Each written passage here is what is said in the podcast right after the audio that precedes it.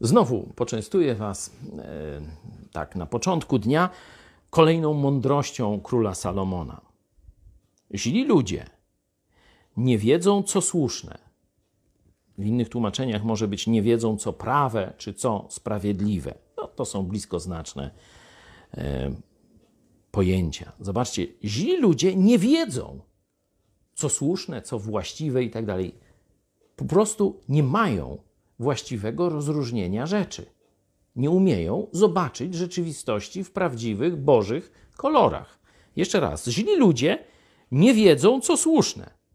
Lecz ci, lecz ci którzy szukają Pana, rozumieją wszystko. Chcesz mieć jasność, jak funkcjonuje świat? No prosta droga. Szukaj Jezusa, zwróć się do Niego, a zacznie ci się wszystko układać, jak Jego poprosisz o zbawienie. To później zaczniesz coraz bardziej rozumieć rzeczywistość.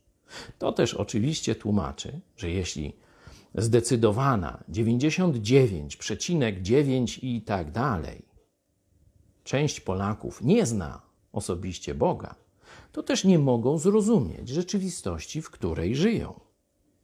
Źli ludzie nie wiedzą, co słuszne.